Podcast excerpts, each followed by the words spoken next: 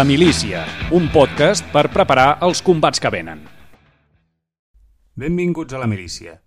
Llegia sobre el pacifisme català contemporani, aquell que va néixer al mateix moment que s'assentava la dictadura franquista. Per ser sincer, és força avorrit. Llavors, per casualitat, vaig topar amb un llibre de memòries d'un escriptor que, a principis dels 70, es va unir a l'anomenat Exèrcit Popular Català. Els seus membres l'anomenaven, simplement, la Casa. L'escriptor es diu Álvar Valls i el llibre, al cap dels anys, és un repàs a la seva trajectòria militant, des del Front Nacional de Catalunya, organització que no té res a veure amb l'actual, fins a la lluita armada, seguida de la presó i de l'exili. Valls viu a Andorra des de fa una pila d'anys. Acaba de publicar un llibre que narra el dia a dia de Jacint Verdaguer. Abans, l'any 2020, publicà Entre l'infern i la glòria, una novel·la esplèndida, també sobre la vida de mossèn Cinto, que ja va per la tercera edició. Als seus 70 i escaig, Valls em sembla un home serè, la serenitat pròpia d'algú que n'ha vist de tots colors. Crec que se sent bé a la seva pell. La història oficial, amb poques excepcions, ha passat de llarg tant dels maquis com dels catalans que van combatre amb els aliats durant la Segona Guerra Mundial. De Jaume Martínez Vendrell no en sabem gaire res. De la casa, tampoc. He volgut parlar amb Álvar Valls perquè la seva narració del passat xoca amb algunes veritats preconcebudes i perquè és impossible treure lliçons de la història si l'expliquem malament. Si us agrada la conversa, us podeu subscriure a josepasencio.substack.com.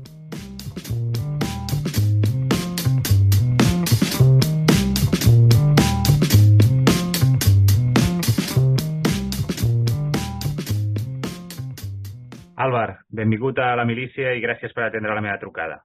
Gràcies a tu. Avui parlarem extensament sobre el teu llibre titulat El cap dels anys, eh, publicat el 2014 a edicions de 1979, on sí. narres la teva experiència com a militant, eh, primer de, del Front Nacional i després de l'organització que després s'ha anomenat Exèrcit Popular Català, època, però que per vosaltres, eh, en parlarem ara, eh, era simplement la casa, la, sí. la teva participació sí, sí. amb el qual doncs, et va comportar l'empresonament i un exili posteriors que també eh, al llibre doncs, estan explicats. Ara hi entrarem, ja dic, però en primer lloc eh, m'agradaria així per, per entrar a la conversa que ens expliquessis quin va ser el, el teu impuls per escriure un llibre de memòries eh, sobre un període concret i uns fets que, que quan es van produir, doncs, eh, és a dir, que quan els vas explicar ja feia vora 40 anys que havien tingut lloc. Sí, mira, jo ho vaig fer perquè els que van protagonitzar tota aquella època, eh, primer, eh, en el meu cas, primer eh, com a militant del Front Nacional de Catalunya, un partit polític clandestí, i després el que se'n va anomenar com has dit, eh, època, i que nosaltres en dèiem la casa, per no emportar-nos-ho a la tomba, per dir-ho per dir així, perquè se n'havia parlat realment molt poc i eh, bé, jo vaig voler fer un testimoni de primera mà. I eh, hi va haver gent que ho va veure bé, dels protagonistes de tota aquesta època, i eh, algun, algun altre que no ho va veure prou bé. Però bé, a mi em va semblar que eh, jo en el temps del front era el que, el que més eh, escrivia, diguem. Escrivia des d'octavetes fins a articles pel, pels butlletins clandestins, etc. Doncs mira, també em va semblar fer aquesta funció d'escriure senzillament per, bé, perquè em quedés el record, senzillament. Com una crònica, no pas com una eh, bé, com una defensa dels fets, no, no, com una mirança dels fets i parlar només de fets, sense valoracions. Quan el vas publicar, eh, suposo que en el seu dia hi devia haver doncs, eh, algun comentari, eh, ressenyes, eh, que se'n diu la, la recepció d'aquesta obra. Eh, no sé si et va sorprendre mm, o vas creure que, que l'havien ignorat, no? Ara mateix no tinc el record sobre aquell moment, sobre què va passar eh, al voltant d'aquest llibre quan es va publicar. No sé si vas, vas fer mm, presentacions o no, eh, si el vas promocionar o no. Eh, ens en podries parlar una miqueta també per això? Sí, mira, vam fer una presentació al Fossar de les Moreres, que era un lloc bastant adequat per un llibre doncs, que, bé, que gira entorn de l'independentisme i no se m'ha fet cap més presentació pública, diguem. Eh, la recepció que hi va haver a la premsa va ser la que, bé, es mereixia un llibre d'aquestes característiques. És a dir, molta premsa eh, en va fer silenci absolut, no se'n van assabentar, malgrat que se'ls va enviar un exemplar, i determinada premsa, doncs, com, com VilaWeb, com eh, alguna, eh, algun mitjà de, digital, doncs sí que, que, que en van parlar eh, és aquesta, diguem, la, la, la recepció. És a dir, una recepció justeta, però eh, bé, el tema de l'independentisme cal tenir en compte que aquell llibre és de l'any, és a dir, no hi havia hagut encara el boom independentista, allò que es va inflar i després es va desinflar i no sabem ben bé com ha quedat, doncs eh, encara no existia. I Però tant, si, si es va publicar el 2014 és el mateix any de, del 9-N, no? Per tant, una mica sí que, sí que estava sí, present. Començava, començava, sí, tens raó, començava. Però bé, va ser aquesta... És a dir, els grans mitjans, dels grans mitjans, només VilaWeb en va parlar, que jo recordi en aquest moment. Eh, doncs entrem, si et sembla, en el que relates en aquest llibre, al cap dels anys. Tu entres a militar, crec que amb 20-21 anys, eh, si, ho tinc, sí, si ho tinc ben apuntat, però que tiréssim una mica enrere, al llibre en parles una mica, eh, no massa, però que m'expliquessis una mica, eh, no sé com es va anar eh, forjant aquesta entrada teva, eh, que va ser el 1967-68, entenc, eh, al Front Nacional, quan vas entrar-hi? Sí, no, era a finals del 69 hi vaig entrar. Finals del 69, d'acord. L'any 70, des de des de ja finals del 69, és a dir, més o menys just quan vaig entrar al Front Nacional, eh, vaig fer la, la, el servei militar, el primer servei militar, el servei militar espanyol, diguem, obligatori uh -huh. en aquell temps, naturalment. I va ser aquesta època que vaig entrar. Causa Això, el que deia és que m'agradaria, abans d'entrar ja directament a, a, al teu pas per, pel Front Nacional, és que ens expliquessis una mica els teus records d'infància, no sé, eh, entenc que eh, la teva consciència nacional, per dir-ho així, eh, doncs es devia, es devia despertar abans, no? Devia ser el, el factor que va fer que, que tu acabessis militant en un partit clandestí com era el Foro en aquells moments, eh, en, en plena dictadura. Com, com, com va ser? A casa teva era un fet natural? Eh, suposo que parlàveu català, evidentment, però eh, no sé si tenies una, una sensació quan eres petit de, de, això, de que no es podia parlar català, si això era una cosa que tu eh, de petit doncs, tens algun record eh, concret que, que, doncs, que et sobtés o que et fes canviar una mica la teva perspectiva. No sé si, si ens en pots parlar una mica d'això. Sí, a veure, no, no em consta que de petit eh, jo notés especialment eh, una falta de, de llibertat pel que fa a la llengua i això de, de petit, eh? després quan vaig créixer doncs vaig anar-me adonant de la situació del franquisme. A nivell familiar eh, es vivia, respirava un ambient antifranquista, però no especialment catalanista. També els meus pares, pare i mare, eren catalans, són, eren catalans, perdó, i, però mm, diria que no especialment catalanistes. Eren antifranquistes, s'escoltava a casa de la Pirenaica, es recordaven eh, aquelles dates, per exemple, el 14 d'abril, eh, l'adveniment de la República. Espanyola, l'11 de setembre era una altra data que cada any es recordava, el 6 d'octubre també la meva àvia ho recordava, i a casa hi havia eh, una col·lecció enquadernada de diversos anys d'en Patufet, que això era de la meva mare. Jo de petit, petit, ja començava a, fullejar aquells llibres en concret, que eren gairebé els únics llibres que hi havia a casa. A casa hi havia molt pocs llibres. Bé, allò em va portar una mica a aprendre'm l'ortografia catalana per memòria visual. Per entendre'ns, quan vaig voler estudiar català, la, la, el que és l'ortografia, la pura ortografia, eh, ja la portava bastant apresa, així per memòria visual, per llegir, sobretot en Patufet. De més gran, quan ja em vaig comprar llibres jo mateix, eh, esclar, tenien una certa prioritat els llibres en català. No tots, perquè eh, ens hem de situar als anys 60, els anys 60 doncs, eren anys eh, d'aquells que van culminar a França amb el 68, no? Uh -huh. eh, I era, doncs, eh, bé, jo em considerava en aquell moment doncs, un revolucionari, diguem, però, i per tant no tots els llibres en català eren, eren així. Eh, jo llegia català i castellà també, eh, i francès també, llibres d'importació que anàvem doncs, a, a la llibreria francesa a Barcelona o a alguna altra llibreria que importava llibre francès. Eh, bé, això és el que... Fins al 69 que vaig entrar al Front Nacional. I abans, no sé si també a través de, doncs, de, la, teva, de la teva etapa com a estudiant havies tingut relació amb algun company eh, que potser tingués aquestes mateixes eh, inquietuds de les que tenies tu, que potser entre els, entre els dos o entre el grup amb el que estiguessis doncs us, us estiréssiu una mica, us compartíssiu lectures o compartíssiu sí, sí. interessos en, en aquest sentit? Eh...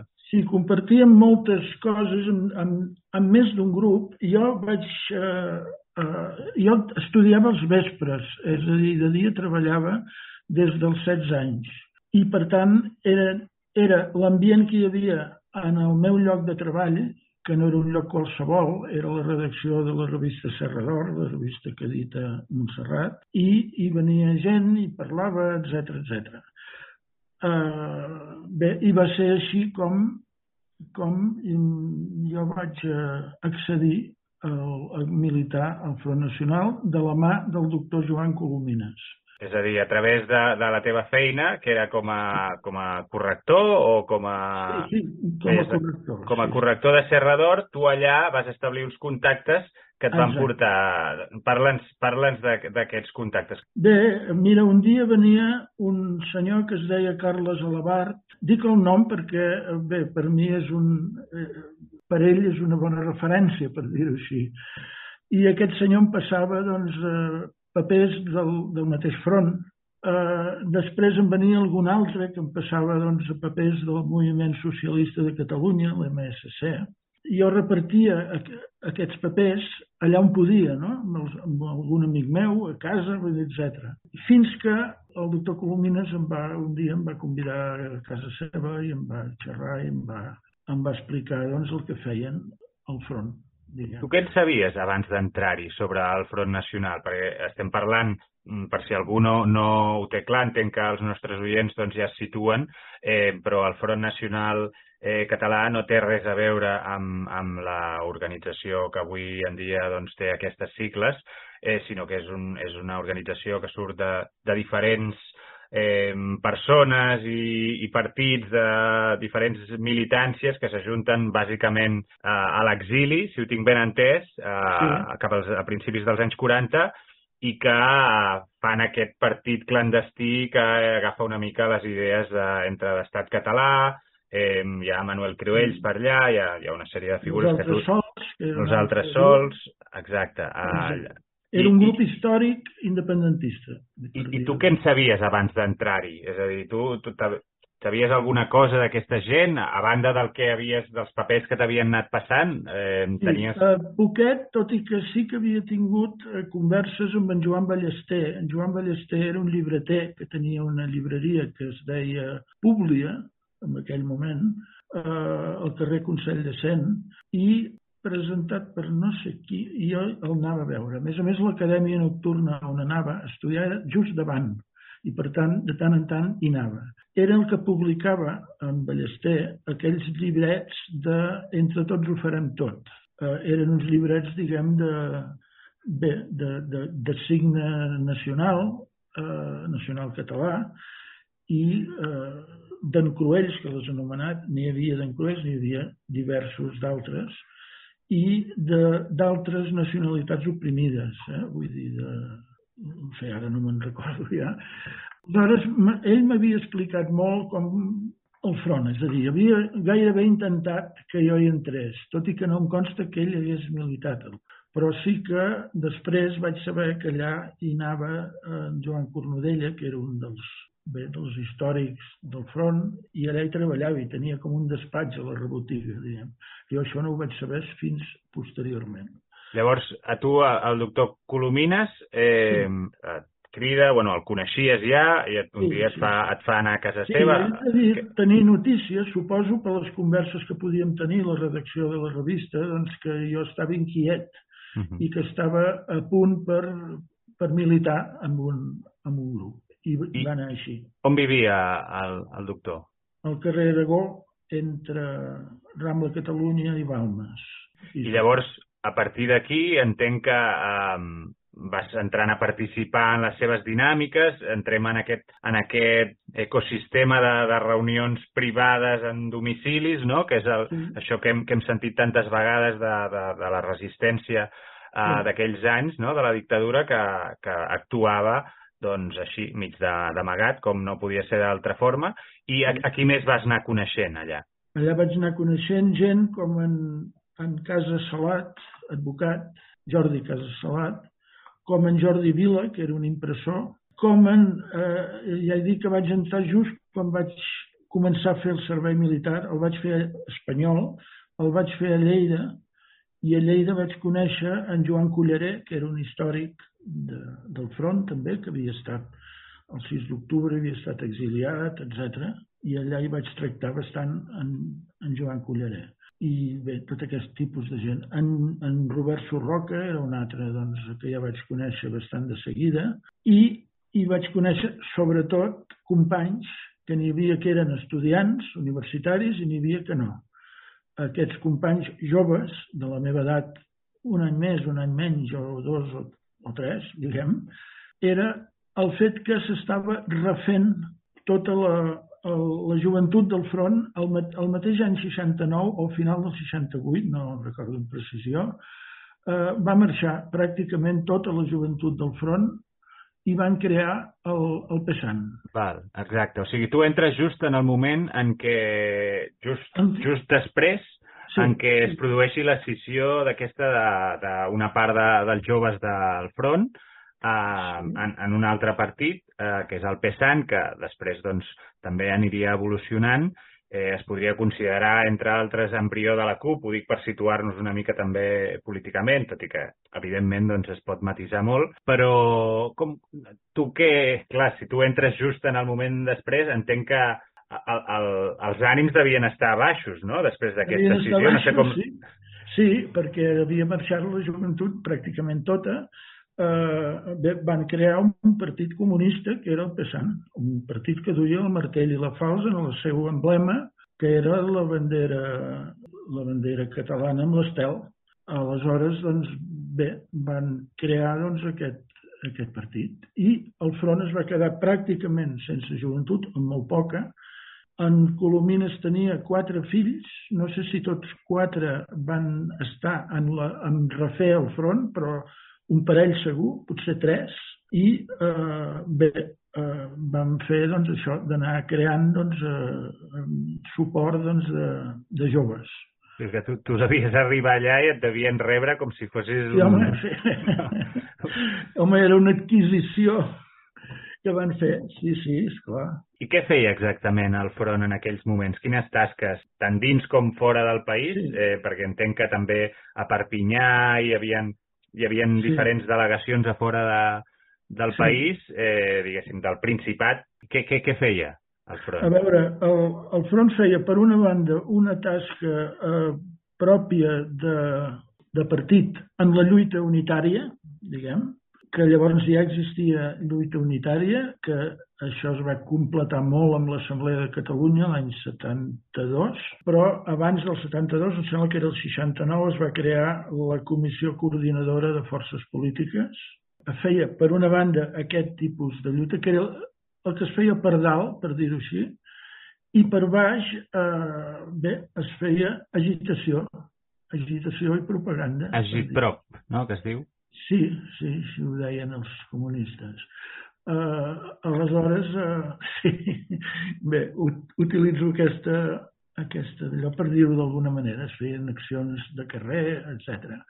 Uh, organitzat pel mateix front, poquet, perquè érem tan poquets que no érem capaços doncs, de, de fer uh, de fer pel nostre compte una manifestació.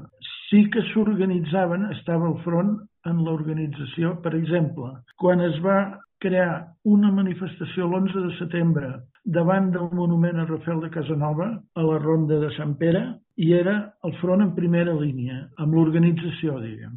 Això quin any estem parlant? L'any 64. 64. L'any 64 hi havia el front, o sigui, amb els seus joves d'aquell moment. No hi, potser hi havia algun altre partit, però no ho recordo. Eh, això hauríem d'agafar papers i mirar-ho. Eh, però sí que hi havia alguns, algunes entitats cristianes eh, de l'escoltisme, de l'escoltisme confessional i de l'escoltisme laic, i aquest tipus d'organitzacions, diguem, ciutadanes. Algun centres excursionistes, etc. Això va ser l'any 64.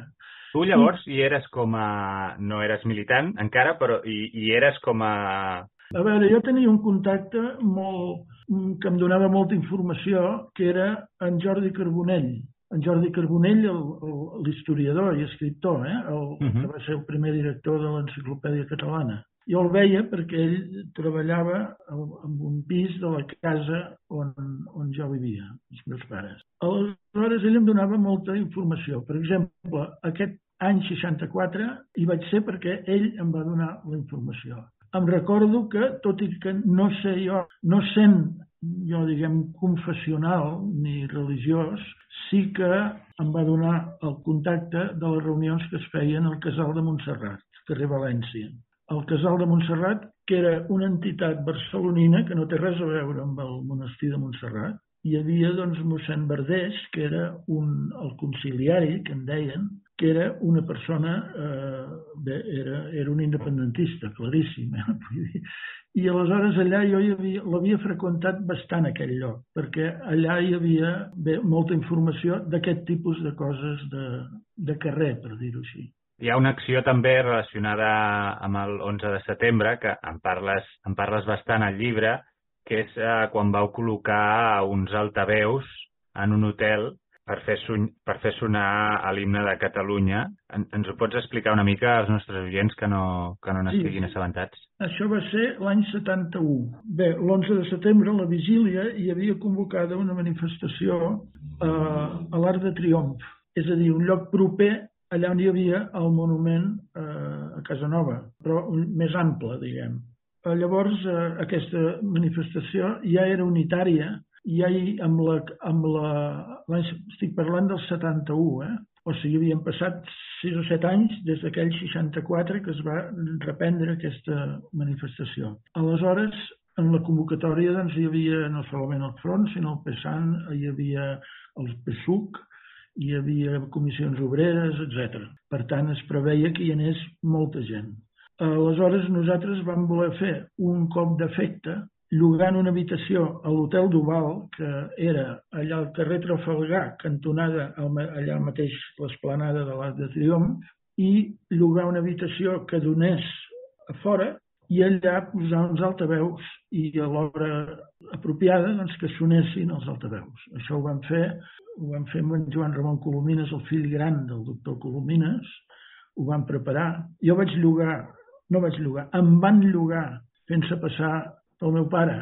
Jo era un, representava que era un estudiant que s'instal·lava a Barcelona per anar a estudiar. Com que era, a més a més, era primers de setembre, doncs ja, ja lligava. Ja lligava que entrés amb unes voluminoses maletes en l'hotel, que eren els altaveus. Aleshores, eh, bé, vaig passar-hi una nit i l'endemà amb en Joan Ramon Colomines ho vam, ho vam preparar tot, és a dir, el, els aparells reproductors, el, un parell d'altaveus grossos, d'una certa mida, i, i bé, va sonar, va sonar no és només l'himne nacional, sinó un missatge que s'anava repetint, estava gravat amb una cinta, s'anava repetint missatge, himne, missatge, himne, i bé, quan va sonar, eh, fins i tot, eh, bé, va sonar tres o quatre vegades, o sigui, uns, uns un quart o vint minuts, va sonar molt. Eh, la gent allà escoltant, perquè encara no hi havia, no havien vingut els grisos, encara no, no hi havia hagut encara el salt de la manifestació. I eh, bé, en un moment determinat es va sentir doncs, molt soroll i que va mudir els, els, els altaveus van enmudir. Eh, eren els policies que havien entrat pistola en mà pensant doncs, que allà hi havia algú. Nosaltres ja no hi érem perquè s'havia deixat un temps de marge sense que sonés res, però ja engegat. I bé, així va. Devia ser el primer cop eh, ençà de, de 1939 que va sonar públicament, uh, públicament a, a l'himne nacional, no? Sí, sí, sí. Entenc que tu vas seguir fent aquesta, aquesta feina i també expliques al llibre aquesta feina d'agitació i propaganda que dèiem, i també expliques en el llibre que també vas tenir un, un cert paper, mai millor dit, perquè et feien escriure, eres l'escriba de, de totes les reunions, sí, sí. Eh, vas tenir un cert paper en, en aquestes eh, assemblees, en aquests eh, espais unitaris dels quals en parlaves fa un moment. Tot això eh, després eh, té, té, ha tingut moltes interpretacions, no? Com, com, com, com es va acabar produint o com, com es van jugar aquests espais, l'assemblea, no? Amb quins objectius eh, tenia i quins objectius va aconseguir, no? Hi ha una, una certa discussió, hi ha un cert debat al voltant de tot això, s'han publicat molts llibres, molts articles i tampoc no, no cal entrar-hi massa, però sí que m'agradaria saber la teva opinió, que tu que vas estar dins, que vas participar d'aquestes reunions com a independentista i formant part d'un partit que en aquell moment potser eh, era minoritari a nivell de, de militància i de, i de recursos, però que tenia un, un pedigrí històric eh, de resistència que va, era un partit que va participar, eh, que va col·laborar amb els aliats eh, durant la Segona Guerra Mundial, per exemple, no? Eh. Vull dir que eh, no sé si vas tenir la sensació de que, de que se us apartava, de que, o de que simplement això va anar passant amb el temps o, o que simplement eh, la vostra posició era minoritària i vau haver d'assumir-ho. No sé, tot aquest tipus de coses, eh, si ens, ens podries donar la teva sí. opinió la, la sensació que se'ns apartés, jo diria que la vam tenir però molt tard, gairebé quan jo ja no hi era. És a dir, els primers temps de l'anomenada democràcia, aquesta sensació. I fins i tot abans de morir el Franco, però poquet abans. Hi va haver una, una cicle de conferències que va ser la, present, la, la posada de llarg en públic, però sense noms encara, dels partits polítics i eh, bé, el front no va tenir lloc. Aquesta, aquest cicle de conferències es deia les terceres vies a Europa i cada, cada partit explicava, sense dir que era un partit, un representant de cada partit, diguem, explicava doncs, el seu programa sense dir era un partit perquè encara eren clandestins. Recordes algun dels participants d'aquestes conferències? Sí, un era en Gabriel Canyelles, per exemple, per Unió Democràtica, un altre era Ara no sé si el Guti, l'Antoni Gutiérrez Díaz, pel SUC, em sembla, a llavors per, pel moviment socialista, que, és, que era el que després va ser el PSC, ja no, no me'n recordo ara. Si, bé, no me'n recordo, ara hauria de buscar papers. Jo em sembla que en el llibre en parlo. Uh -huh. uh, I aquí, doncs, uh, no hi va haver lloc per l'independentisme, és a dir, ni pel front ni pel PSAN. Això ho va organitzar l'ICERT, l'Institut de Ciències Socials de Barcelona, d'aquell moment, que depenia del bisbat, per cert. Eh, van organitzar això, tothom, fins i tot el governador civil, el Martín Villa, sabia que era la presentació dels partits, però va presentar, això encara viu a Franco, eh? Però, Jordi Pujol també hi devia ser. També hi devia ser, sí, sí, sí, segurament. Uh, però el front, que volíem qui anés en Cornudella, que era el màxim exponent polític del front, uh, no hi va tenir lloc, ni el PSAN, és a dir, l'independentisme no va tenir lloc aquí. Això pel que em preguntaves de si teníem sensació d'exclusió, però a l'època en què estàvem, eh, és a dir, l'any 71, 72, no, no, no teníem cap sensació d'exclusió, al contrari, creiem que el front, i ho era, no, no només ho creiem, sinó que ho era, era un motor important de certes, de certes eh, coses, com per exemple el retorn de Terradellas, que era una... Bé, creiem, nosaltres creiem eh, al front que per lligar amb la lojalitat republicana havia de tornar el president legítim, president Tarradellas, bé, això avui ens sona, eh, això de president legítim, doncs en Tarradellas també ho era, és clar, en aquell moment, i hi havia molts intents d'apartar-lo en Tarradellas. Ell hi ajudava perquè era un, era un, era un intrigant, etc. i es ficava amb molta gent, no? Però nosaltres creiem, políticament, creiem doncs, que eh, la democràcia a Catalunya no seria democràcia si no tornava en Tarradellas. Érem independentistes, però esclar, volíem que al final del franquisme empalmés amb el que el franquisme havia, havia tombat. Bé, això és, és un tema molt interessant, eh, per desgràcia. Eh, dic perquè seria... També m'agradaria saber la teva opinió sobre eh, com es va acabar desenvolupant el retorn de Tarradellas, per exemple, i tot plegat, però eh, tampoc tenim tot el temps del món i m'agradaria seguir parlant eh, més en concret del teu llibre i, i de, de la part central, que és el teu pas per la casa, i per entrar en, aquest, en aquesta part del llibre, eh, m'agradaria que ens expliquessis eh, com decideixes, és a dir, quin moment eh, tu comences primer, saps que existeix aquella, aquella organització que entenc que encara devia... Si, si ja era una organització clandestina, suposo que la casa encara eh, estava més...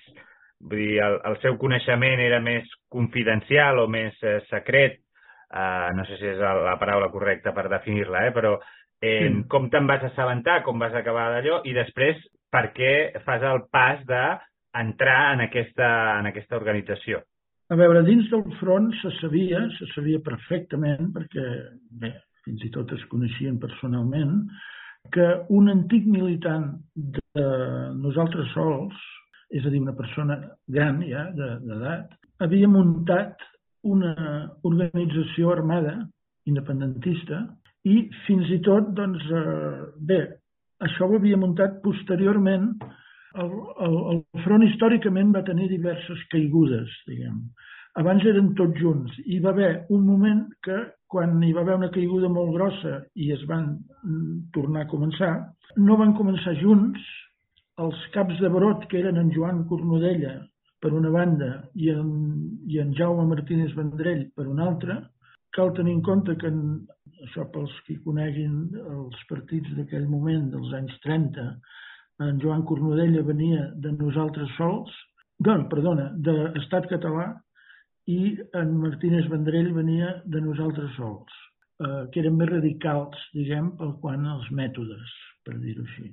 En Martínez Vendrell va començar a formar, a finals dels anys 60, una organització armada que eh, bé, volia refer la que hi havia abans a dins del front, però ell la va formar fora del front. Però en sintonia amb el front, amb el Cornudella. És a dir, va ser un pacte que van fer, per dir-ho així.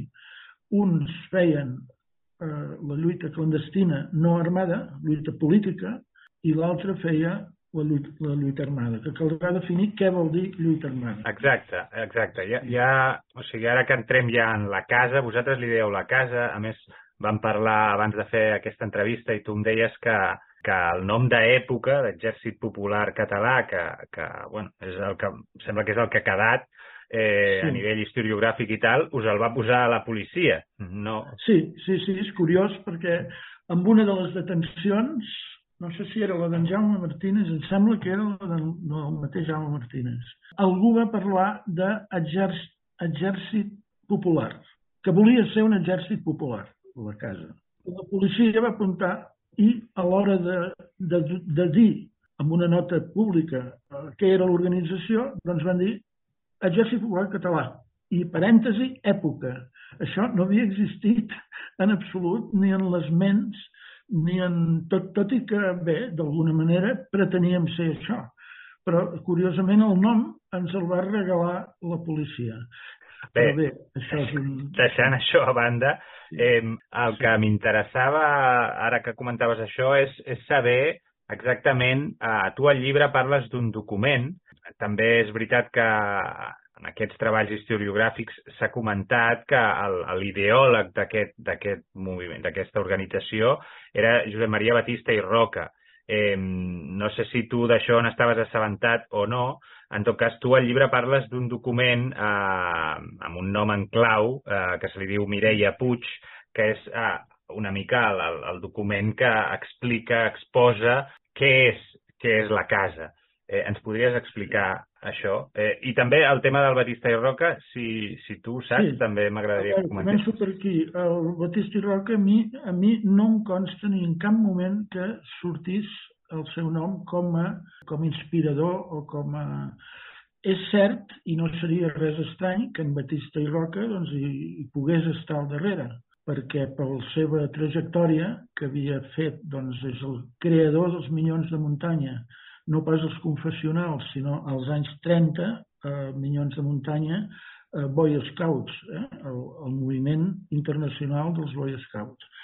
Eh, aleshores, ell havia estat també als anys, no sé si 20 o 30, amb una organització armada. Per tant, podria ser, eh, però eh, a mi no em consta que se'n parlés en aquell moment. En tot cas, sembla que això ho va declarar a la policia en Jaume Martínez, eh, si ho diu ell deu ser cert, però jo no n'havia sentit eh, parlar mai, i en tot cas, eh, si, si estava al darrere, devia estar al darrere d'en Jaume Martínez, però no d'època, perquè a època jo estava a la cúpula d'època i no se'n va parlar mai d'ell. Ara potser ell parlava en, per, per mitjà d'en Jaume Martínez. Això, això jo no puc dir ni que sí ni que no. Eh, el document, sí, es va fer un document, els que veníem, vam, els que vam entrar procedents del front, que estàvem acostumats a escriure-ho tot i a... Bé, potser primer caldria definir quin objectiu tenia època, el, és a dir, el, la casa. La casa volia ser un embrió, no un exèrcit, un embrió d'un exèrcit. Exèrcit és una paraula molt grossa, potser un embrió militar, per dir-ho així, per anar-se enfortint, enfortint en diverses, diverses maneres i en un moment determinat poder eh, actuar sol·licitat per l'autoritat civil catalana. És a dir, la casa no era en cap moment, com en aquell moment ho era ETA, com ho era Baden-Meinhof, com Baden-Meinhof, com ho va ser posteriorment Terra Lliure, no no era en cap moment un partit armat. No era un partit. Era l'embrió del que volia ser una institució. Per tant, no tenia ideologia. La ideologia, naturalment, era la independència, però no et dèiem si érem d'esquerres o de dretes. Això tocava cada un. Vull dir, no, això no importava, diguem, bé com qualsevol exèrcit de qualsevol país, que no sigui un país dictatorial. Llavors, eh, per, doncs per, no, eh, per emmarcar una mica, que abans m'he saltat una mica el que t'estava, jo mateix m'he accelerat, eh, preguntava per què decideixes fer el pas d'entrar a la casa. Sí, uh, bé, va, va ser una, un seguit de circumstàncies que anava creixent al fer accions, eh, bé, accions públiques eh, d'agitació i cada vegada anaven a més aquestes accions. A dins del front mateix, eh, bé, hi havia, quan ja érem una colla de joves important, a Barcelona ciutat érem una cinquantena en aquell moment, entre estudiants i no estudiants, però a Lleida, doncs, a Lleida ciutat no, a Lleida i el seu entorn hi havia, hi havia un centenar, perquè eren molt actius, és curiós això també. Aleshores, eh, Bé, i fèiem accions de carrer, fèiem, eh, a part de, de participar en manifestacions unitàries, etc, fèiem accions de carrer, tallàvem un carrer, posàvem una bandera, una estelada, etc. Mil, mil accions de carrer, octavetes, etc. I bé, eh, hi va haver un moment que vam voler anar més enllà, que era eh, cremar una bandera espanyola. Després vaig saber, quan vaig estar a la casa, que les banderes no es cremen, però en aquell moment no ho sabia ni jo ni els meus companys. I al front doncs, hi havia moltes tensions perquè els grans de front, si es passava a temes simbòlics com aquest, que era molt més enllà d'un repartiment d'octavetes, podia haver-hi una repressió sobre els, els històrics de front. perquè la policia sabia ben bé eh, qui era qui en cada partit. Vull dir, la policia tenia informació de qui eren i, per tant, si anaven fent accions d'aquest tipus, podien represaliar doncs, en Colomines, en Cornudella, eh, etc. I, com que sabíem, o almenys els que estaven més ficats en, en la direcció del front, sabíem que en Jaume Martínez tenia el seu grup, doncs eh, volíem, eh, bé, volíem, eh, jo volia, per exemple, saber, parlar amb en Jaume Martínez. És a dir, tu el primer, el primer instint és, és parlar amb ell per preguntar-li exactament en què consisteix. Què era, què feien, i sí, exacte. Aleshores, llavors et reuneixes amb ell. Bé, sí, després d'unes peripècies, eh, que us explico un llibre, que jo m'imaginava que vivia a l'exili i me'n vaig anar a Perpinyà eh, el delegat del front a Perpinyà a preguntar doncs, on, on vivia. I ell no... no. Va... És a dir, no ho fas pels conductes, eh, no vas amb el no. doctor no, perquè el doctor... Colomines i li preguntes, escolta, i, um, no, el doctor... acordi'm una reunió amb, a, amb en Jaume Martínez. En Jaume Cornudella, això sí que els hi vaig demanar, però mai arribava a aquesta reunió o ja ho fan Jaume. Dic, doncs jo vull veure en Jaume. I bé, era una estira i arronsa, i jo pel meu compte doncs vaig fer això. Aleshores, per això vaig anar a Perpinyà i vaig anar amb un vell militant de, del front que sabia doncs, que era molt amic d'en Jaume Martínez i que devien simpatitzava molt en temes de lluita armada, que era Magí Colet, de Sabadell, i tampoc em va donar el parador del, del tal Jaume, però eh, sí que això va fer eh, que en Cornudella s'assabentés d'aquestes gestions meves. I al final eh, va dir, bé, muntem una trobada amb el Jaume Martínez. Sense el Cornudella, eh? Vull dir, ell i tu I el, tu i el Jaume Martínez. Jo, jo no es vau trobar. Ens vam trobar en un taller, ell vivia a Barcelona i tenia un taller mecànic a Cornellà de Llobregat, doncs allà, a Cornellà, al seu taller allà ens vam trobar senzillament. Bé, van així. Aleshores, eh, bé, com que jo ja havia parlat amb companys que estaven disposats a passar a la casa, doncs vaig fer una mica de pont, eh, així una mica, en aquell moment, i bé, hi va haver un període de converses, perquè, esclar, no, no era allò, mira, vols entrar? Doncs entra. Era una cosa superclandestina, que cada grup estava alliberat, i per tant doncs, no, era, no era qüestió doncs, d'anar doncs, agafant gent, diguem, sinó que es mirava més la qualitat que la quantitat, per dir-ho així. Vas, vas percebre que t'estava provant o que t'analitzava abans de, sí, sí, de seleccionar-te, no? Sí, sí. Vas passar un procés de selecció. I, i no era percebre, era, era claríssim que sí, sí, i tant i bé, i posteriorment doncs, eh, em va presentar una persona i després una altra i llavors els, aquests altres anaven veient també interrogant i parlant amb els que, amb els que volien entrar i, i bé, i així va, va ser com vam entrar. Jo diria, perquè amb això hi ha hagut, s'ha publicat eh, que van entrar 30 persones, no, no, no és cert això. Vam entrar que jo pugui pogués, no ho faré, però que pogués dir el nom i cognom, vuit persones, vuit militants alliberats eh, i algú de l'entorn que no era alliberat. Però l'entorn no alliberat doncs era, eh, no era dins del nucli de la, de la casa. A part d'aquests vuit, pot ser que en passessin d'altres per altres vies, diguem. Eh, segur dos més. I a partir d'aquí ja no ho sé, o sigui que a mi me'n consten 10 i segurament molt poca cosa més. Clar, durant aquest procés, que no sé quan, quan podia... Quan va durar... Això va durar un any més o menys, sí. Mentrestant es va morir en Franco. Va, durant, durant, durant aquest procés, eh, sí. tu estaves en aquell moment ja estaves casat i tenies fills? Sí, sí, sí. sí. Llavors... Jo tenia un estatus especial, com també el tenia una altra parella, aquella diferent, jo tenia un estatus especial, jo vaig entrar en un estatus especial, que era anar a dormir a casa. Si no hi havia motiu per no anar-hi, diguem. Uh, és a dir, jo, jo sortia de casa anant a treballar.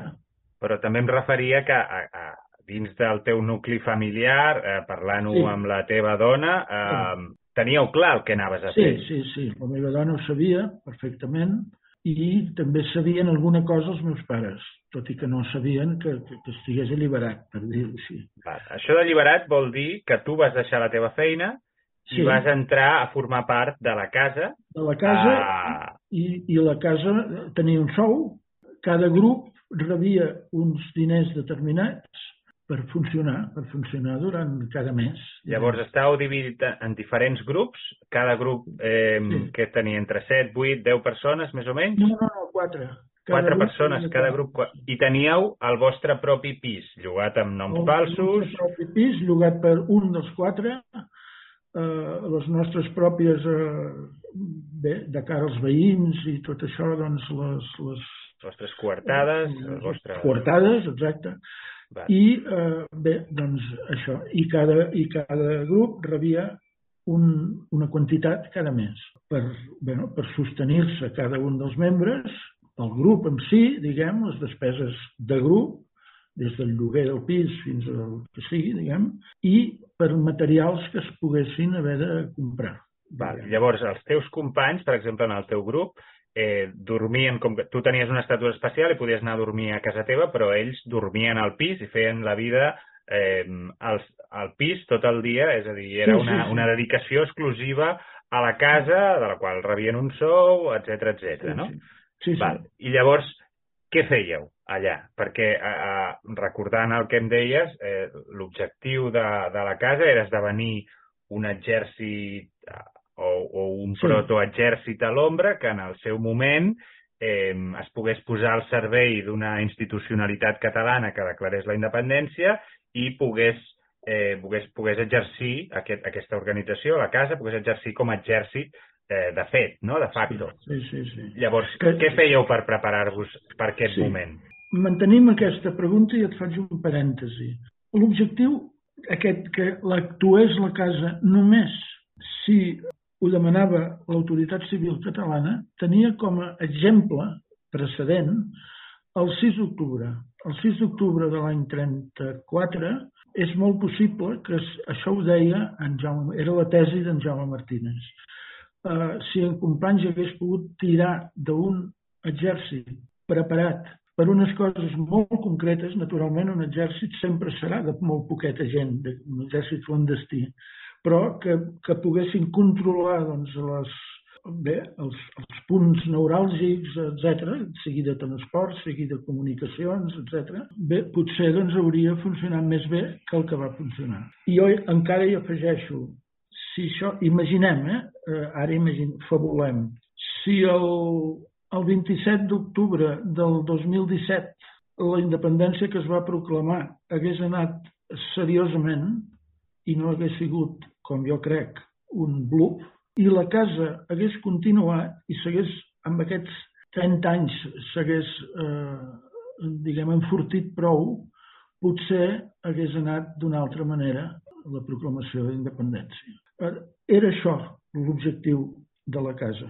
Ara, tanco parèntesis. Sí, sí, em sembla perfecte, preguntava... la La, teva, la meva pregunta era què fèieu en el vostre dia a dia, si estàveu allà um, les 24 hores, en el teu cas sí, no perquè sí, dormies sí, a casa, però sí, sí, sí. Què, què és sí. el que fèieu? Et contesto. Uh, a veure, els diversos grups, cada grup tenia una, una especialització, per dir-ho així. Hi havia un grup que era el grup taller, hi havia un grup que tenia, a part del pis on vivien, hi havia un taller, un taller mecànic, on es feien, doncs, eh, un taller mecànic que funcionava legalment, a més a més. I feien, tenien les maquinària, diguem, per, per... Ara, funcionava legalment, però poquet, diguem. Agafava els encàrrecs doncs, que, que tenia, però, però pocs, perquè els quedés prou temps per, per treballar amb, no sé, per dir algun exemple, eh, que no sigui que aquest exemple és el que van fabricar, la famosa caixeta que es va posar en el senyor Voltor, tenia una part mecànica, doncs, eh, a part d'això, doncs, eh, per exemple, per fer una, una metralladora amb, una, amb un carregador circular, perquè tingués doncs, molta més capacitat de, de tir, un carregador on hi cabia un centenar de bales. És a dir, ca cada grup eh, estava especialitzat eh, en, en una un... cosa determinada. En una cosa. I el vostre, per exemple? El nostre, bueno, et, et dic els altres i sí, sí, sí. el nostre. Hi havia un altre grup que estava especialitzat en documentació, perquè la, la flaca que tenia la casa és que s'havia de mantenir i per mantenir-se calien accions molt arriscades, com era la d'obtenir diners, com es va demostrar, i que no convenia tenir doncs, eh, bé, riscos d'aquesta mena, amb l'afegit que eh, la policia doncs, sapigués que hi havia una organització molt potent fent coses com va passar, senzillament. Uh, per tant, el, el, el grup de documentació, el primer objectiu era fer bitllets de banc. Estava exercitant-se amb aquest sentit. Uh, és a dir, falsificar, falsificar diners. Sí, falsificar diners, sí. Uh, aleshores, i també feia doncs, altres coses de, de, de, com documentació, uh, DNI, bueno, etc. Eh? Vull dir, aquest tipus de, documentació i tenien maquinària doncs, per poder-ho per poder-ho fer. Llavors, hi havia un altre grup que era de comunicacions. Comunicacions, eh, bé, que avui dia amb el que ha avançat això seria un supergrup, però en aquell moment doncs, no estàvem tan avançats, però bé, ens comunicàvem cada nit amb, per ràdio per saber que tot anava bé, com uns simples radioaficionats, tots els grups. No sabíem el domicili l'un de l'altre. I el nostre grup era d'informació, informació de tota mena de coses. Des de, no sé, ens exercitàvem amb fer plànols de comissaries de policia de Barcelona. En vam fer dues.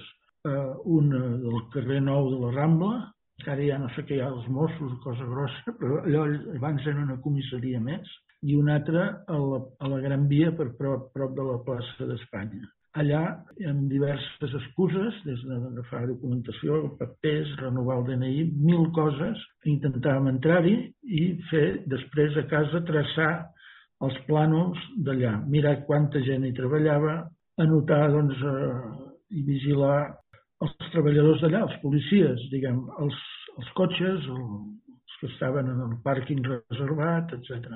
I allò era no era per fer-hi res en aquell moment, però era per tenir informació si en un moment donat hagués calgut, haguéssim tret de l'arxiu aquesta informació. En tot cas, l'haguéssim actualitzat. És a dir, el que fèieu cosa... era preparar-vos. Preparar-nos. Per exemple, una altra preparació que vam fer el nostre grup és eh, sabíem que la policia anava a fer pràctiques de tir, policia vull dir els grisos, eh? anaven a fer pràctiques de tir a Santa Creu d'Olorda, que és allà al Collserola, cap, a, cap al Llobregat, ja, la punta de Collserola, i amb una, amb una pedrera abandonada, i anaven a fer pràctiques de tir allà. I bé, un objectiu era preparar una acció no per fer-la, sinó per tenir-la a punt i poder-la realitzar en un moment donat que, que que calgués, volar la carretera quan passava un autobús de, de, de grisos, una tocinera que se'n deia llavors. Eh, una carretera estreta amb revolts i per volar-ho, doncs amb un dels revolts s'havia d'omplir de dinamita, doncs allò. Però que això no es pot fer de qualsevol manera, per tant, eh, vam estar un temps llarg eh, estudiant què s'havia de fer perquè el, el, la dinamita que s'ataconés allà anés cap amunt, eh, etc. I bé, tot això després ho van trobar a la policia, les anotacions que fèiem, i ens feien preguntes surrealistes a vegades que ara no tenim temps ja d'això. Però aquesta era una acció. Una altra acció que preparàvem, aquesta no la vam arribar a realitzar, perquè aquesta també era de d'aquelles que no era una acció política, era una acció per, com les accions econòmiques, no? com de necessitat vam estar estudiant durant temps els volums, els, el paper, el paper moneda. El paper moneda, per fer, per fer bitllets de banc, com deia abans, necessitàvem paper moneda. No ho podíem fabricar nosaltres, perquè, esclar, era un procés de fabricació molt especial.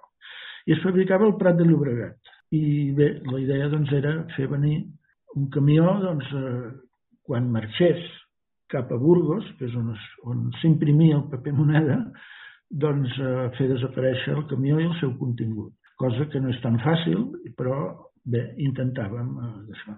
Un altre era un camió ple de dinamita que venia sovint amb un distribuïdor de dinamita de Catalunya. Curiosament venia de Burgos, també. I allà ho teníem molt clar.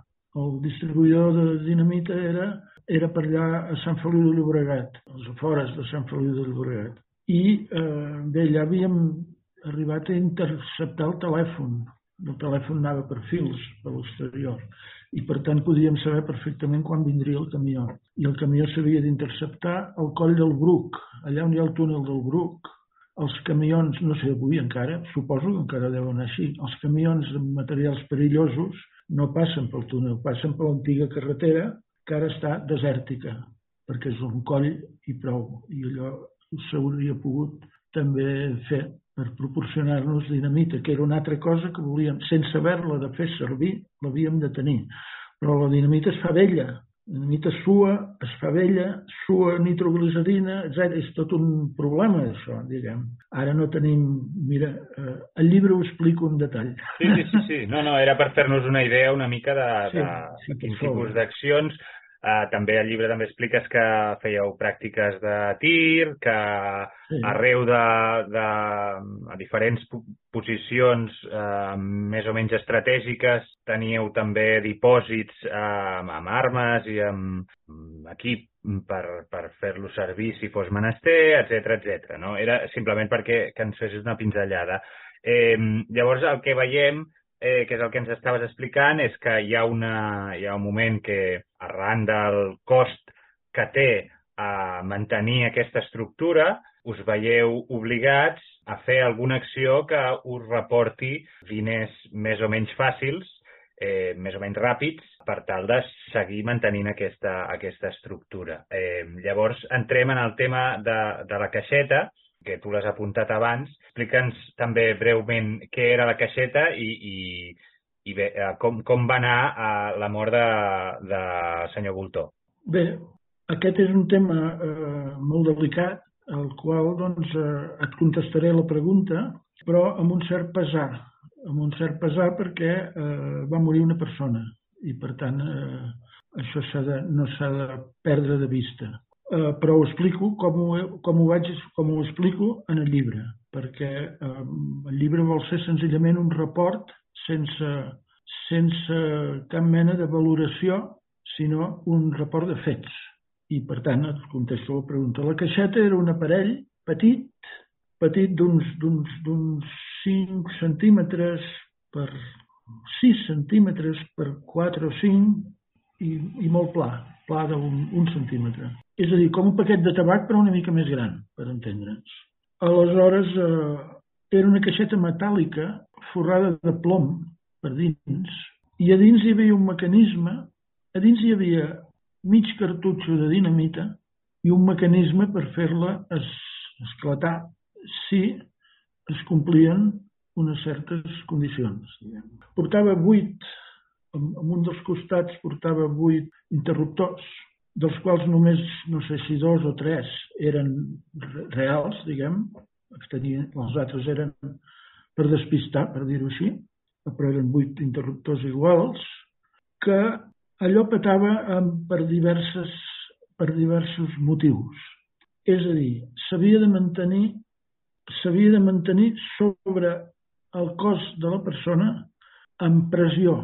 Per alleujament de pressió petava en pressió i no pas amb esparadraps, com alguna premsa va dir en aquell moment, no, o de qualsevol manera, sinó que la pressió es feia amb un arnès eh, fet amb el mateix material que els cinturons de seguretat dels cotxes, que mantenia una pressió estable, fins i tot si la persona, per l'angoixa o cosa similar, que tot s'havia de comptar amb tot, s'aprimava. Llavors també patava perquè hi havia un microèmbol a dins per congelació. La dinamita, si es congela, no peta. Per tant, tot i que sobre una persona doncs és molt difícil congelar allò, es va preveure que si es congelava també petava. I, i bé, em sembla que, que res més. Els botons, doncs, eh, bé, aquesta persona, si pagava, se li haurien passat què havia de fer amb els interruptors perquè no, perquè no patés. És a dir, això se li, se li col·locava a, a una persona sí, sí. Uh, i se li demanava un rescat a canvi de poder alliberar-lo de, sí. de la caixeta. Era aquest el, el, el mecanisme. Exacte. També hi havia un mecanisme perquè patés uh, si passaven masses dies. Ara ja no em recordo, em sembla que eren en tot sí, de 25 al, al llibre ho poses. si algú li interessa, doncs s'hi pot, ah, pot dirigir. Doncs eh, bé, era un, era un aparell de precisió, no, no era cap broma, que membres de la casa, jo no i el meu grup tampoc, però altres membres el van portar diversos temps, etc, naturalment sense la dinamita dintre, sinó amb un llumet que s'encenia simulant que petava, diguem. I no va fallar mai, sempre funcionava bé. El que no s'havia comptat és amb la reacció d'una persona doncs, acostumada a donar ordres i no rebre-les i que va ser, la reacció va ser anar a casa seva, a entrar a la, a la cambra de bany i estirar-s'ho per treure-s'ho, treure's l'arnès i, i esclar, així va passar. Bé, doncs això així va anar. Així és com eh, es, es produeix, eh, es mor eh, el Josep Maria Voltó, que és, eh, era un industrial al qual doncs, eh, se intentava treure un rescat eh, i això eh, va precipitar, eh, tot, va precipitar doncs, eh, tota la, la, la caiguda eh, d'aquesta estructura, eh, si, si ho sí. tinc ben entès, no? perquè sí. a partir d'aquí, doncs, eh, òbviament, la policia va començar a investigar, investigar i a partir sí. d'aquí doncs, es van produir detencions. Sí, sí. Va caure el, el primer grup, que va ser el nostre, va caure per una cosa de, gairebé de, de pàrvols, per dir-ho així, que és que eh, a casa del senyor Voltó s'hi va accedir a través d'un document com si s'anés a fer una revisió del gas. I aquest document, tot i que naturalment tenia, tenia noms falsos, etc, hi havia un número de sèrie, un número d'allò dels talonaris, saps? Un número de sèrie, i a través d'aquest número de sèrie es va trobar eh, d'on provenia el, el document, diguem. No el mateix document, el document era una reproducció, però s'havia mantingut el número de sèrie. Aleshores, doncs, eh, bé, va caure el nostre grup, després del nostre grup no va caure ningú més, és a dir, la casa es va demostrar, autodemostrar doncs, que estava ben muntada, no podíem fer caure ningú perquè no coneixíem ningú més, amb els seus noms, etc. Ni domicilis, encara menys. Va caure un pis perquè es va trobar eh, una clau, diguem, però era un pis buit i res més. I a partir d'aquí, eh, tu al cap d'un temps et detenen Sí. I vas a la presó... I, a... i els altres membres del, del grup perquè ens havien estat ja vigilant. Ja. Els altres I membres eren... Els, els altres eren, puc dir els seus noms perquè em van autoritzar i surten en el llibre, eren en Carles Sastre, la Montserrat Tarragó i el Josep Lluís Pérez, que aquest últim eh, és mort. Sí, de fet, de fet eh, ja ho van comentar que a, al Nacional, al Digital, hi havia hagut un, un periodista que havia explicat a l'exili de... de... Israel, sí. Exacte, l'exili israelià de Josep Lluís Pérez. Eh, sí. Això ens queda una mica, una mica lluny. Eh, és veritat que ens estem passant una mica de temps del que és habitual, però sí que m'agradaria que ens expliquessis una mica el teu pas per la presó. Eh, tu estaves, et van detenir, vas estar a la Model? Sí, sí. Vaig estar a la Model eh, cinc mesos i amb en Carles Sastre i en Josep Lluís Pérez. I la, i la Montserrat Tarragó va estar a la Trinitat, a la presó de dones, fins a cinc mesos que vam sortir amb l'amnistia. Uh, bé, la presó, a veure, era, quan vam entrar a la casa ja sabíem que, hi podia, que podia passar això. I per tant tampoc ens va sorprendre massa ni ens van fer doncs, la víctima ni, ni res. Ens va ajudar molta gent, es va crear els comitès de solidaritat amb els patriotes catalans, que es va dir així, i una altra cosa que era el Socors Català. Es van crear dues organitzacions de suport, cosa que bé, podem dir amb orgull doncs, que, que vam ser els protagonistes d'aquestes organitzacions en els seus primers moments, diguem. Uh, I allà dins, uh, bé, a la presó, estava amb, bé, estàvem amb l'esperança que es va complir que ens aplicarien l'amnistia. Que s'aprovaria la llei d'amnistia, perquè això era el 77. Per tant, uh, quant de temps, uh, en realitat, quant de temps vas estar tu a, a la casa? A la casa hi vaig estar des del primers del 75, no, perquè hi va haver les converses aquelles amb en Jaume Martínez i això van durar mesos. Era l'any que es va morir el Franco. Era l'any 75. Per tant, a la casa, com a militant i això, hi vaig estar doncs, un any i un any i mig. Uh, aleshores, uh, bé, a la presó hi vam estar cinc mesos i mig, fins al novembre, perquè es va aprovar, em sembla que a l'octubre es va aprovar la llei d'amnistia, tot i que aprovada encara adoptaven doncs, si ens l'aplicaven o no, etc. I al, a finals d'octubre hi va haver un motí a la Model protagonitzat pels presos socials, no pels polítics, perquè els polítics sabíem que sortiríem amb l'amnistia, però els socials volien sortir també o tenir alguna mena de benefici, de reducció de condemna, etc.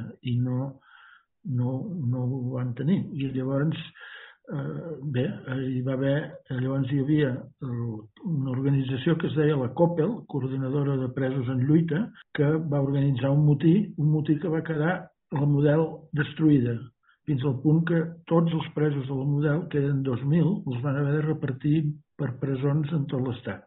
I a nosaltres ens va tocar, a nosaltres vull dir, el, el Carles Sastre i a mi, ens va tocar Segòvia, la presó de Segòvia, molt poc després d'aquella fuga famosa dels, dels d'ETA, i el Josep Lluís Pérez, la de Sòria.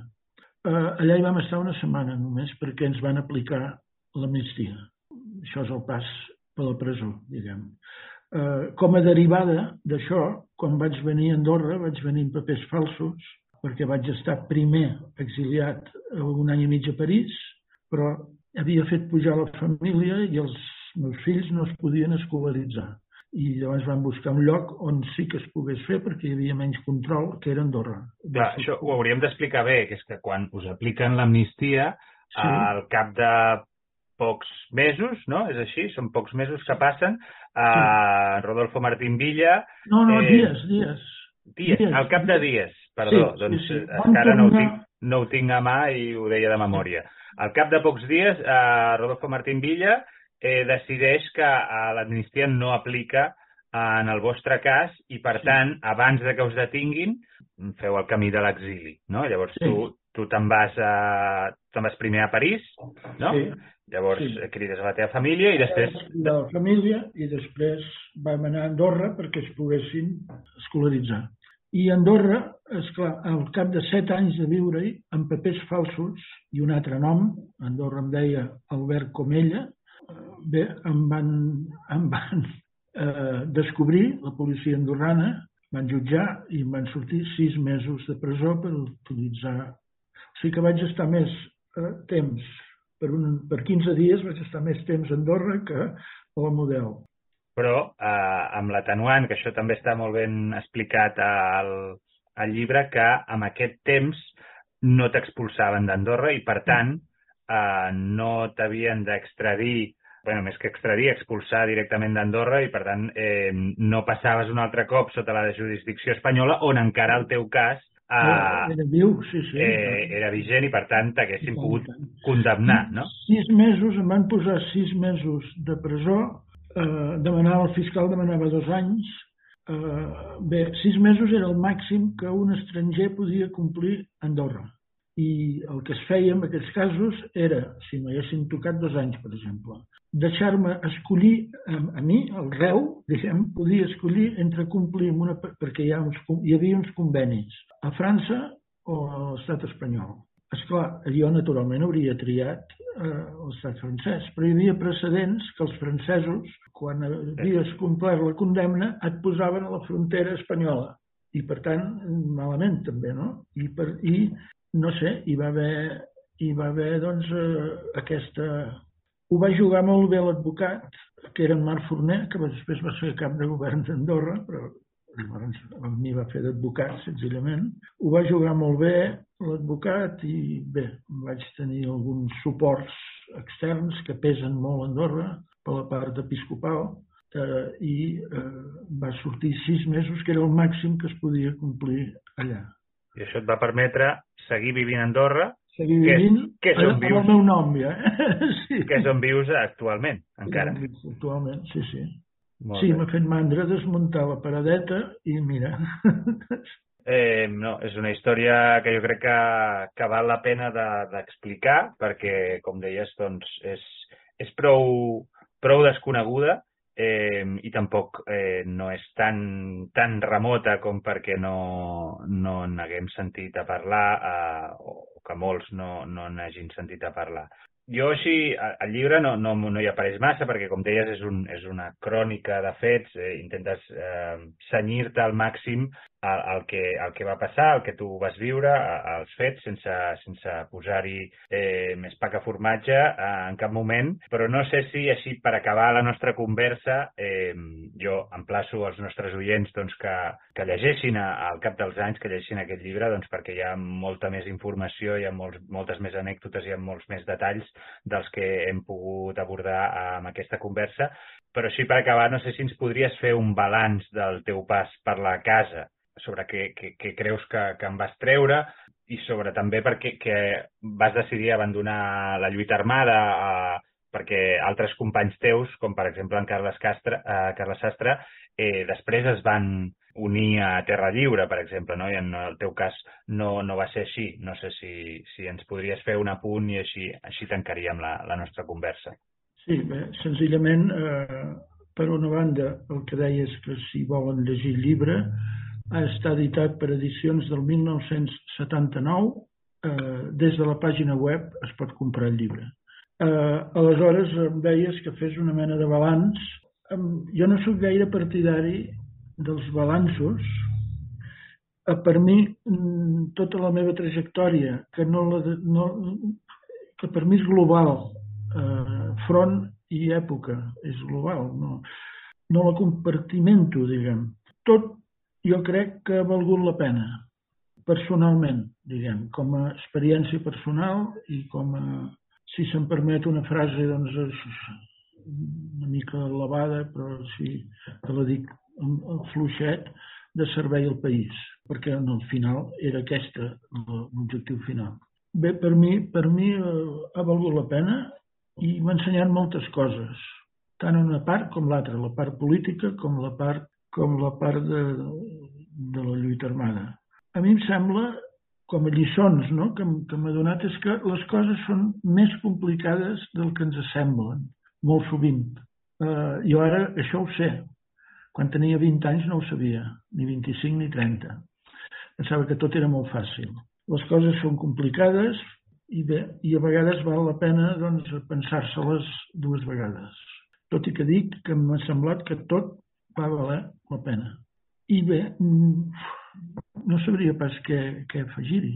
No, no, ja, ja, ja està. una cosa concreta. No, no, ja està bé, ja està bé. Eh, sí. Tampoc no, no et demanava que fessis cap exercici de, de, de, sí, sí. de res més que, que, el que, que el que has fet. Per tant, doncs, eh, jo t'agraeixo que hagis compartit eh, amb mi i amb els nostres oients eh, aquesta estona. Avui ens hem passat una mica de la durada habitual, però jo crec que també, com deies, eh, ha valgut la pena poder, poder parlar amb tu.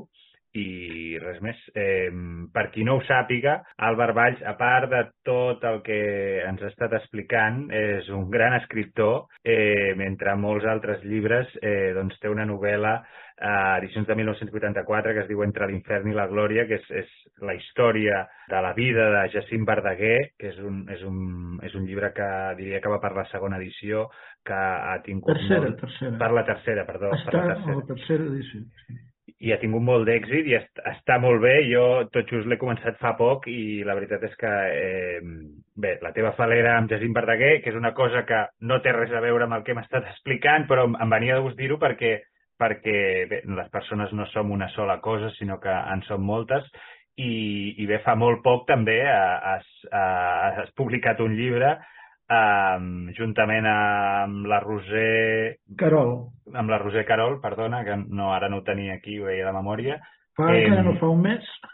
just fa, fa molt poc, eh, justament sobre el dia a dia de, de Jacint Verdaguer, que també és un, és un bon patracol és un bon, bon llibre pels amants de, de, de mossèn Cinto, doncs eh, també, no sé si eh, ens pots dir l'editorial per si algú el vol buscar. Sí, és Verdaguer Edicions. És Verdaguer un, Edicions. Sí, que també eh, a partir de la pàgina web es pot adquirir. Perfecte, doncs això ho volia, ho volia afegir també perquè ja que tu no ho feies, eh, fer sí, una sí, mica sí. de promoció doncs sempre, sempre va bé. Eh, dit això, eh, molt agraït, com deia, i, i fins la propera, Albert. Molt bé, moltes gràcies. Fins I a tots els oients també, eh, doncs, fins a la propera.